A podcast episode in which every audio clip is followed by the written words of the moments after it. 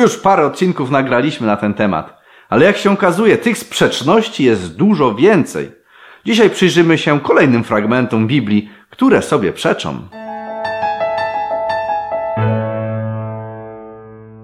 Lub pozornie przeczą.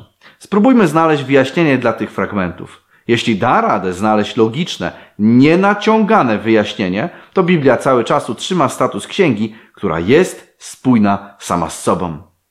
Jeśli to nam się nie uda, no cóż, będzie trzeba zweryfikować wszelkie religie oparte na tej księdze. Jeśli nie boisz się skonfrontowania swoich wierzeń, to zaczynajmy.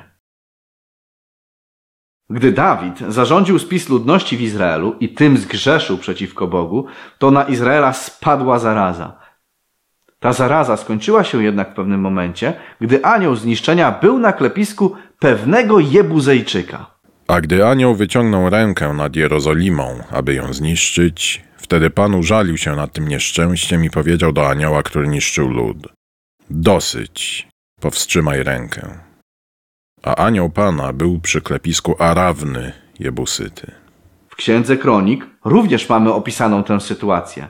Jest tutaj jednak pewien szczegół. Ciekawe, czy go zauważysz. Posłał też Bóg anioła do Jerozolimy, aby ją zniszczyć. A gdy ją niszczył, wejrzał Pan i użalił się nad tym nieszczęściem i powiedział do anioła, który niszczył: Dosyć już, powstrzymaj rękę. A anioł Pana stał obok klepiska Ornana Jebusyty. Zauważyłeś niezgodność? Jeśli tak, to zostaw komentarz, że udało ci się to wychwycić. Otóż zgodnie z drugą księgą Samuela ten anioł stał na klepisku Arawny, a według księgi Kronik było to na klepisku Ornana. To gdzie stał ten anioł?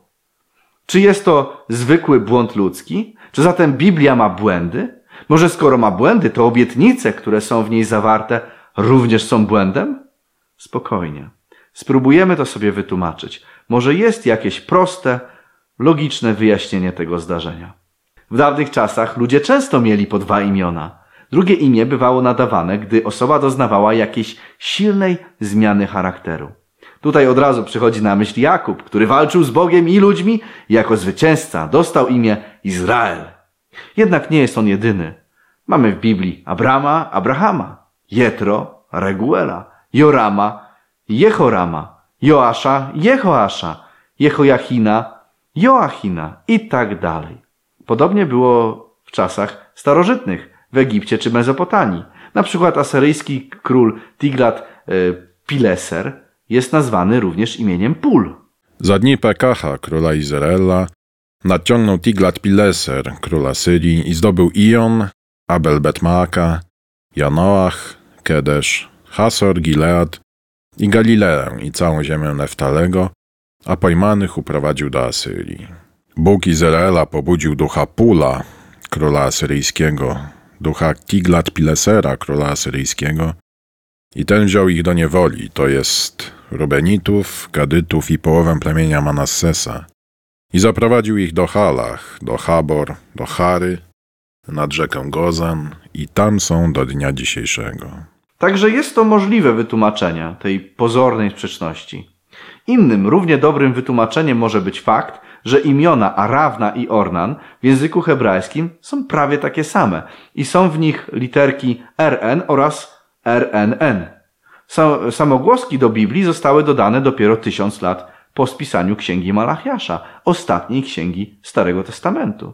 Także samogłoski w tych dwóch księgach, drugiej Samuela i pierwszej Kronik, mogły być dobrane stosownie do różnych wariantów wymowy w czasach, w różnych czasach, kiedy przepisywano poszczególne księgi.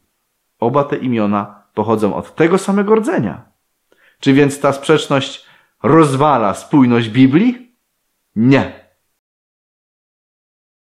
Kolejna sprzeczność, jaką sprawdzimy, jest zapisana w drugiej księdze królewskiej. W którym roku Achazjasz objął władzę?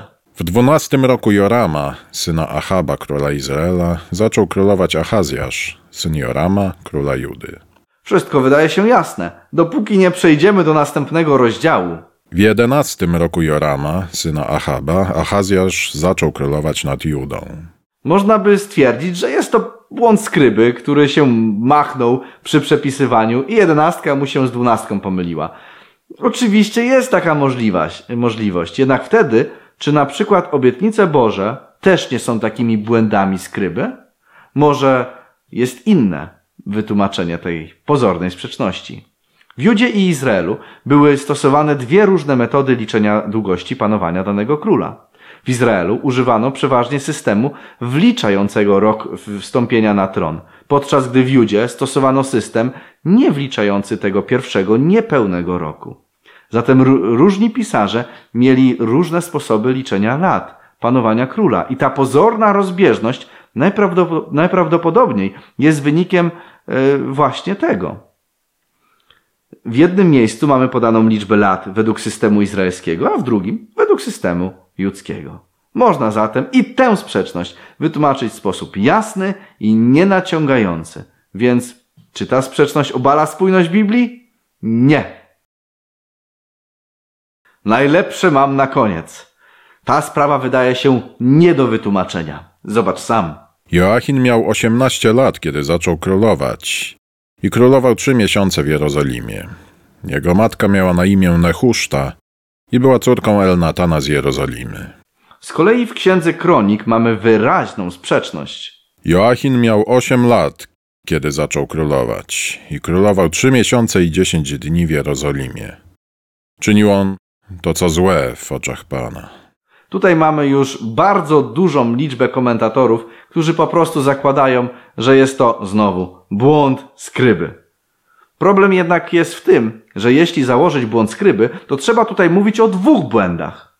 Ponieważ w języku hebrajskim nie mamy liczb, a liczby są zapisane jako tekst i dosłownie w jednej wersji mamy napisane syn 80 lat, a w drugiej syn 80 rok albo w ten sposób, inne słowo na lat. To tutaj byłaby nie jedna wpadka skryby, a dwie, ponieważ nie dość, że w drugiej księdze kronik brakuje słowa 10, to również mamy tam liczbę pojedynczą dla słowa lat, czyli rok. Z tego względu dwie pomyłki skryby w jednym miejscu są bardzo mało prawdopodobne. Czy więc istnieje inne, nienaciągane wyjaśnienie?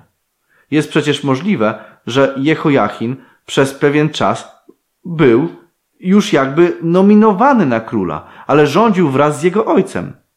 W tej teorii zapis drugiej księgi kronik odnosiłby się do koregencji króla Jehojachina z jego ojcem i byłby liczony od 608 roku przed naszą erą, czyli od pierwszego pełnego roku panowania jego ojca. Z kolei fragment z Księgi Królewskiej odnosiłby się do, do jego samodzielnych rządów. Myślę, że jest to dość możliwe wytłumaczenie. Tym bardziej, że błąd skryby oznaczałby zrobienie dwóch błędów w jednym miejscu, co jest bardzo, bardzo mało prawdopodobne. Mamy jeszcze drobną różnicę w długości panowania. W jednej wersji jest to 3 miesiące, a w drugiej 3 miesiące i 10, 10 dni. Ta jednak różnica najprawdopodobniej wynika z faktu, że jeden pisarz mógł podać przybliżony czas, a drugi był bardziej pedantyczny i podał nam czas panowania z dokładnością do dni. Mógł przecież swojej pedantyczności dać nam e, czas do, co do godziny i, minut, i minuty. Dobrze, że się powstrzymał. Także podobnie i tę pozorną sprzeczność można wytłumaczyć w logiczny i prawdopodobny sposób. Dlatego i tym razem możemy śmiało powiedzieć nie, ta sprzeczność nie obala spójności Biblii. Słowu Bożemu możemy ufać. Jezus ufał mu bezgranicznie. Jego życie, życie było ucieleśnieniem tego słowa. Bądźmy jak nasz król i zbawiciel i również nigdy nie powątpiewajmy w słowa Stwórcy Wszechrzeczy. To były cienie przeszłości. Subskrybuj, daj łapkę w górę, śledź nas na Library, Beatshoot, Telegramie i Facebooku. Cześć!